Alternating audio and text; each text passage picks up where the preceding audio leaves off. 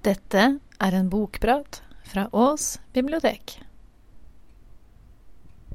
Hei, alle sammen.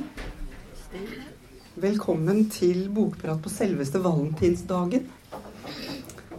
Så må jeg høre med dere. Er lyden god nok nå? Jeg syns den er grøtete? Det er så lodden stemme når du Lodden stemme? Ja. Er det bedre nå? Ja, det var bedre. Den har jeg nesten inni munnen. Ja. Velkommen til bokprat. Eh, Selvfølgelig fordi det da er valentinsdag, så skal det handle mye om kjærlighet i dag. Men eh, jeg vil også gjerne få lov å ønske vår nye avdelingsleder eh, eh, velkommen, eh, velkommen hit. For det er nemlig Helene, vår nye avdelingsleder i barne- og ungdomsavdelingen, som har stått på laksen på valentinsdagen. Ja. Etter Alf har Alf sluttet godt. Men det er også Johanne som har vært med å rigge i dag, sånn som hun pleier. Hun er jo vår, eh, vår faste riggesjefassistent, egentlig. Men tilbake til, til eh, Valentin. Eh, selvfølgelig skal det handle om kjærlighet. Eh, om ikke akkurat mellom mann og kvinne. Eh, men boka i dag heter 'Kaptein Nemos bibliotek'. Den er skrevet av den svenske forfatteren Per Olof Edquist. Som sikkert noen av dere vet, så er ikke den eh, helt ny. Den kom ut i 1991. Den er oversatt av Per Kvale til norsk. Det er kanskje noen som har lest den? Ja? mhm, Fint. For mange år siden så fant jeg denne her i en kasse på mitt lokale bibliotek. Der lå det bøker som eh, brukerne av biblioteket hadde gitt til biblioteket, som biblioteket ikke hadde bruk for. Og så så jeg liksom, Det var en veldig rar forside. Sitter en liten gutt med en sånn konkylie på hodet. Så ble jeg litt nysgjerrig. Og så viste det seg at det ble et lykketreff for meg. For noe sånn som Enquist skriver, det hadde aldri jeg lest før da. Men nå har jeg jo det. Så det, dette her, det er et eh, kjærlighetsdrama. Og det er et familiedrama. Og det er en bok eller en roman som rommer mye tragedie og mye smerte. Og det er stor skrivekunst. Men jeg tenkte jeg skulle si litt om Per Olav Enquist først. Han er født i eh, Vesterbotn, et sted som heter Jogbøle, i 1934. Og Vesterbotn det er jo innerst, innerst i den botniske viken. Og faren til Per Olav han døde når Per Olav bare var, ikke var et år engang. Og moren, Maja, hun ble da eneforsørger. Hun var skolelærer, folkeskolelærer, og dypt engasjert i det som heter Het Evangeliska Fosterlandsstiftelsen. Og det var en nyevangelisk eh, vekkelsesbevegelse, og den preget selvfølgelig oppveksten til lille Per Olav. Og det har preget hele forfatterskapet hans, som langt på vei er et slags selvbiografisk prosjekt. Enquist han vokste opp nettopp i de store folkebevegelsenes tid. Med kvinnebevegelsen, arbeiderbevegelsen og avholdsbevegelsen. Nå er eh, Enquist 82 år, og han har et langt litterært liv bak seg. Og han har vært en viktig stemme i litteraturen i Sverige, men også som avisspaltist og TV-programleder. Han har oversatt til over 40 språk, så det er for så vidt ikke bare Sverige han har vært viktig. Han studerte først litteratur ved universitetet i Uppsala, og debuterte med romanen 'Krystalløgat' i 1961 eh, mens han var student. Men gjennombruddet hans i Sverige det kom med 'Magnetisørens femte vinter' i 1964. Og hans internasjonale gjennombrudd det kom med 'Legionærene' i 1968. I 1985 kom 'Styrtet engel', som er en historie om et ekteskap, om et monster og om kjærlighet. Den kanskje aller mest kjente og øh, kjente bestselgeren i nære tid, det er 'Livlegens tilbakekomst' fra 1999. Og den handler om Stroense, som var Christian den syvendes livlege. Og Enquist er da til alt overmål også dramatiker og har skrevet flere filmmanus, bl.a. det til Jan Troels 'Hamsun' fra 1996. Så i 2008 ga han ut sin selvbiografi 'Et annet liv', eller 'Et annet liv' på norsk, der han beretter om oppveksten sin og om livet som fremgangsrik forfatter og kulturpersonlighet. men også om vanskelige år som alkoholiker. Og romanen 'Lignelsesboken', som kom i 2013, den er en frittstående fortsettelse av selvbiografien hans. Og på baksiden av, den, eh, av lignelsesboken så står det at det er en filosofisk drøfting av livets begrensninger og muligheter. Det handler om religion, det handler om kjærlighet, og det handler om hengivelse og besettelse og seksualitet, om tvang og om frihet. Og han stiller sånne spørsmål som Kan man fortelle alt? Hva er det som er mest tabubelagt? Er det det som har med kjærlighet å gjøre? Selv så har han oppsummert selvbiografien Et annet liv slik, også på baksiden av boka, med store bokstaver, og der står det Han blir født den 23.9.1934 i Jogbøle, et lite sted i Vesterbotten. Han forlater dette stedet, blir forfatter, reiser langt av gårde. Alt går så bra. Siden går det riktig dårlig. Den 6. februar 1990 begynner et nytt liv. Boken handler om dette. Sitat slutt. Og ut av denne tørken så kommer 'Kaptein Nemos bibliotek' i 1991. Og romanen er ifølge Enquist selv den mest personlige romanen han har skrevet. Og i likhet med hans andre romaner så er den basert på hendelser fra virkeligheten. Den begynner med, eller handler om, to gutter som blir født i en fattigbygd i Nord-Sverige i september 1934. Samme år, samme måned og for så vidt da samme dag som Enquist selv. Og guttene de blir forbyttet på fødestua. Høyesterett beslutter at de to guttene skal tilbakeføres til sine biologiske foreldre, og som seksåringer først bytter de plass. Heretter omtalt som tilbakeføringen. Den ene gutten heter Johannes, og den andre Christian.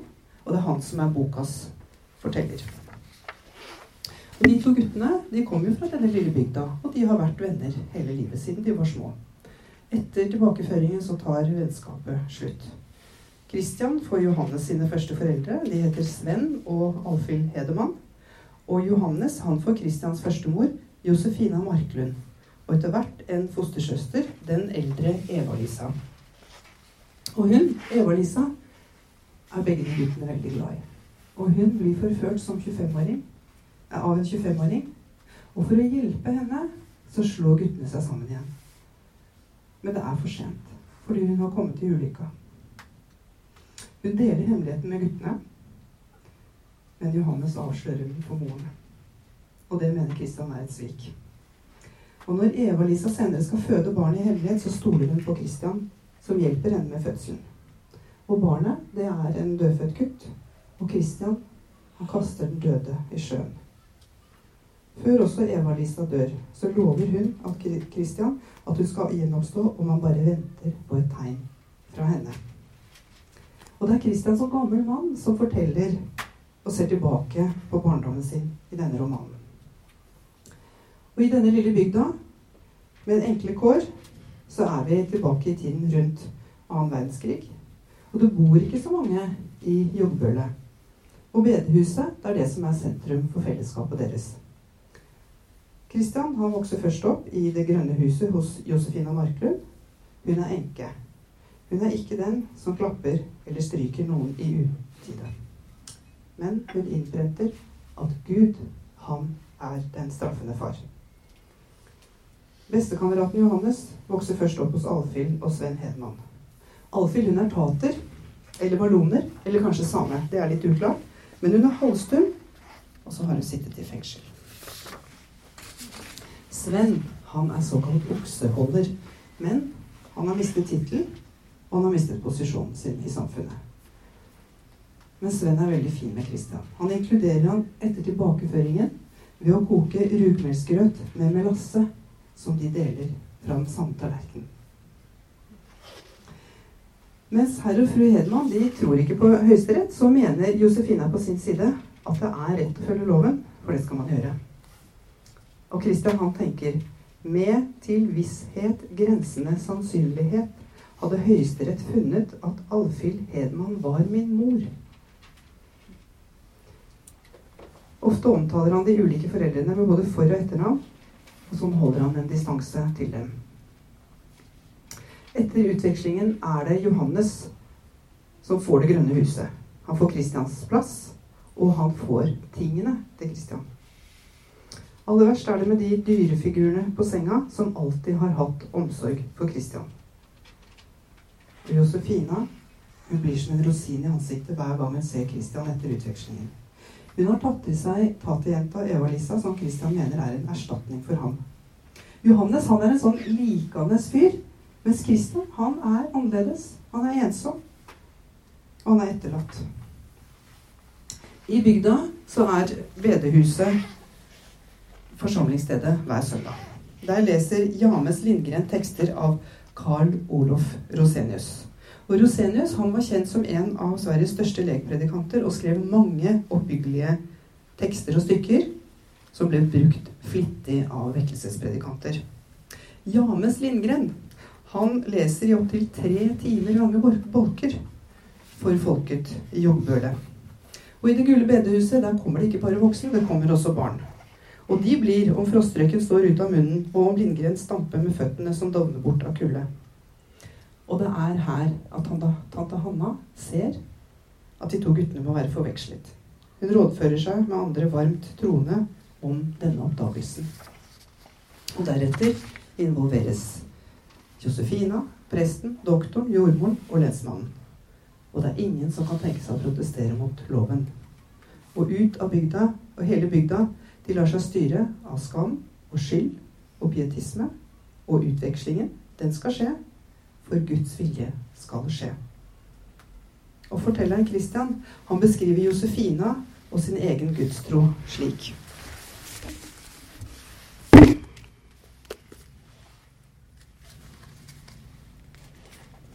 Først så var det jeg som fikk det innprentet. Så Johannes. Så Eva-Lisa. Josefina innprentet det i oss at Gud var den straffende far, han var ikke liksom-straffende far. Nei, budskapet var at akkurat sånn var det jordiske fedre også. Ettersom de var fraværende og døde, men likevel en slags trussel, nettopp gjennom sitt fravær, innskjerpet hun at sådan er en fars natur. Alle fedres. Gud var den øverste far, straffende. Det fantes dog håp. Håpet var menneskesønnen. Han var ikke så slem, nesten kulten som Gud. Menneskesønnen var så likende og trivelig og hadde et sår i siden som det strømmet blod og vann fra, og der kjeltringene kunne gjemme seg som i en hule og skjule seg for fienden. Det var den alminnelige oppfatning i grenda også. Da kom det blod og vann derav. Man avsluttet hver eneste bønn med ordene 'For blodets skyld. Amen'. Jesus var den som gikk i forbund hos Guden som straffet. Det tok meg hele min barndom å lære meg at menneskesønnen som regel ikke hadde tid. Meget sjelden. Enquist sin skrivestil er enkel.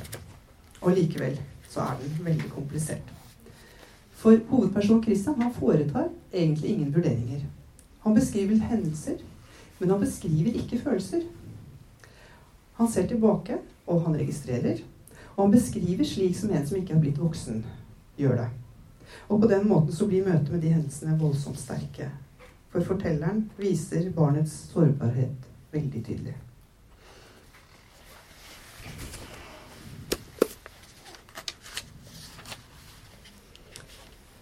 Jeg hadde rett til å bo i Det grønne huset pga. en feil som var gjort på sykehuset i Bureå i september 1934, den dagen Johannes og jeg ble født.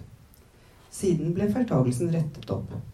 Da ble jeg utlevert gjennom en juridisk korrekt fremgangsmåte og ble fratatt retten til å bo i Det grønne huset. Retten ble i stedet tildelt Johannes Marklund. Senere fikk han seg tildelt Eva-Lisa, som skulle erstatte meg. Pga. hans forræderi ble hun fratatt ham, og dessuten fratatt meg. Johannes overtok retten til Det grønne huset, ble forræder og ble fratatt henne, og også retten til huset. Tre år senere brant huset det er hele historien i korte trekk. Denne utgaven her, den har et uh, forord av Tove Nilsen. Og hun er jo nettopp opptatt av måten Enquist skriver. Og hun skriver selv Jeg har lest Enquists romaner om igjen og om igjen, og jeg har spurt forfatteren selv Men hemmelighetene ved et fortellergrep går selvsagt ikke an å forklare. Samme hva han skriver om, klarer han å få leseren til å føle at dette handler om noe hittil usett i meg. Å følge fortellingene hans er som å gå inn på stier hvor man øyeblikkelig fornemmer at man vil bli ledet til spennende og hemmelighetsfulle steder man ikke kunne forestille seg på forhånd.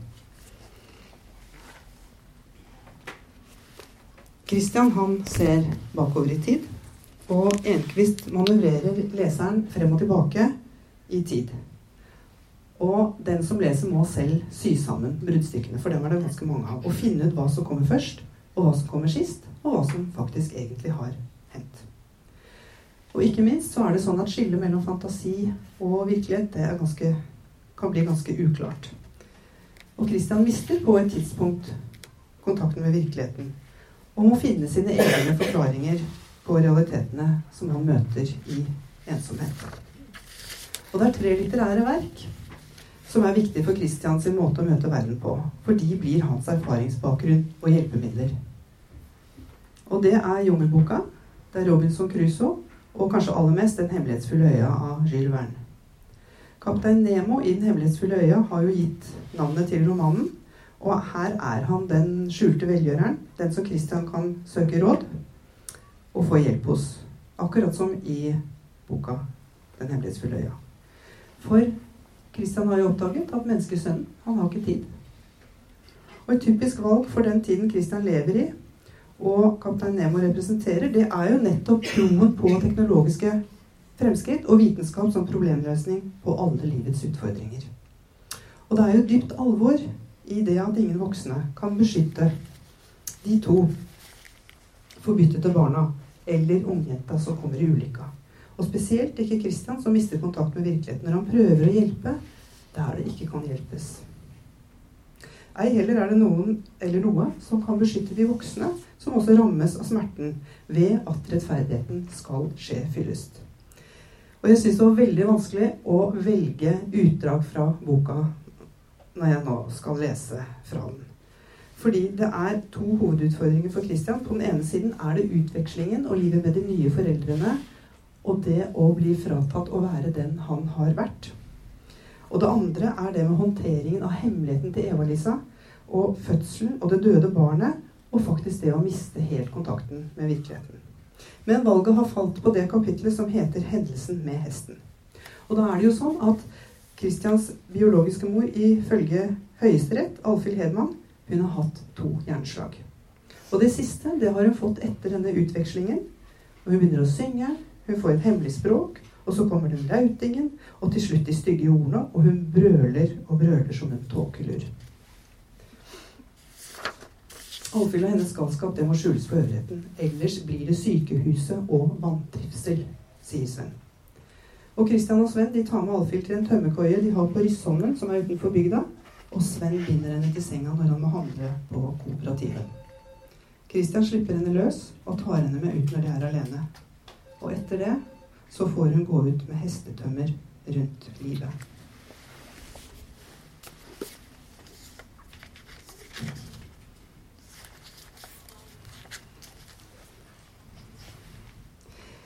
Man har gjort Hedmans stor urett.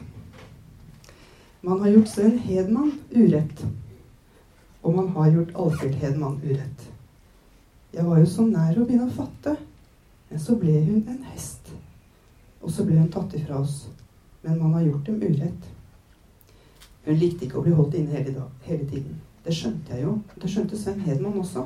Det var jo sommer, og gresset var grønt. Og furutrær og blåbær og vann med småfisk og lyst hele døgnet. Og rysholmen som et skip. Sven Hedman ble litt mer vågal etter den gangen. Det virket som om akkurat det, at jeg hadde tatt henne i grimen og leid henne ned til stranden så hun fikk drikke og se på småfiskene, at det hadde gjort ham modigere. Hele våren hadde han gått og gjort det han trodde han måtte gjøre med henne. Lagd mat og tørket skitt og sukker. Da ble det vel til slutt sånn at han ikke trodde hun var et ordentlig menneske. Det ble liksom borte. Som med sandpapir. Han trodde vel ikke hun var et ordentlig menneske. Men etter at jeg hadde leid henne og vannet henne, da vågte han mer. Da tok han henne ut mer og mer, så hun fikk puste. Hun hadde langbukser og lobber og strikkekofta på seg. Det var kanskje litt rart siden det var sommer, men lobbene hadde lærsåler, så de ble ikke våte. Hun hadde skaut om det svarte håret. Alt sammen så temmelig snodig ut, til man ble vant til det. Da ble det helt naturlig, og det var jo også bra for myggen. Selv ble jeg aldri bitt av myggen. Det kommer an på hva slags blod man har. Sven Hedman ble heller ikke bitt av myggen. Vi bandt fast hestetømmene rundt livet på henne. Så fikk hun gått litt som hun ville. Hun dro ganske hardt iblant, og iblant var jeg redd for at hun skulle dra av gårde med meg. Alt gikk så lett nå. Det var helt endeframt. Det var rart. Alfhild dro hardt i tømmene, eller la seg ned på bakken. Det var alt ettersom. Iblant sang hun, og vi hørte på og hadde det fint. Det var som det skulle være. Ingenting å kommentere eller bråke om. Vi hadde ikke noen båt, men jeg fisket ofte enda det var ganske langsomt. Jeg gikk ut fra Veslodden, ganske langt ut til over knærne. Der sto jeg med kjeppen med bjørnetråd og takspon som kork, og kroken. Det var jo tungvint å gå i land for å henge mark, så jeg hadde marken i munnen. Det var munnen som var selve markbuksen, og man behøvde jo ikke å prate mens man fisket. Når tjuvmorten hadde spist marken av kroken, dro jeg bare opp og dro hvetemarken ut av munnen og satte den på kroken. Det var jo like enkelt som snus, på en måte. Og sånn hadde Johannes og jeg alltid gjort før utvekslingen. Vi hadde satt Alfhild fast med remmen under en sten, og hun satt med lobbene i vannet og så interessert ut. Når jeg fikk napp, da hørte man at hun ble glad. Iblant småsangen. Man hørte at hun hadde det bra. Og lobbene tørket vi på trappen i kveldsstolen. Det virket som om Sven Hedman hadde begynt å synes det var unødvendig å arbeide. Det var syv kilometer til grenda, så ingen kom hit ut. Vi var helt alene. Man slapp å se det grønne huset også. Sven og jeg gikk på arbeid, men Alfhild holdt på lobbene. Vi tok henne som hun var, og da ble hun mye roligere. Noen går i lobber om sommeren, sa Sven Hedman, og så nikket han. Og det var det. Det var jo sant også. Det kunne vi jo selv se. Vi tok henne som hun var, og hun satt der og skvalpet med lobbene og småsang. Og når jeg tenker på det, så var det en av de fineste somrene jeg har hatt.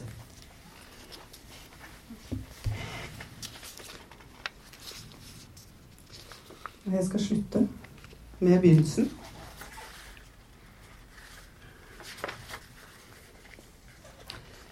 Jeg har gjennomgått biblioteket, men ikke alt. Før hadde jeg en hemmelig drøm om at man kunne legge sammen alt mulig, sånn at alt ble ferdig og kunne lukkes igjen. Om til sist å si sånn var det. Det var sånn det gikk til. Dette er hele historien. Men det ville jo vært mot bedre vitende. Mot bedre vitende er imidlertid en god måte å ikke gi opp på. Visste vi bedre, da ga vi opp. Så er det sånn at denne boka har vi ikke her ved biblioteket. Men hvis noen har lyst til å lese den, så kan vi bestille den inn. For vi har alt annet av, av Per Olov Enquist.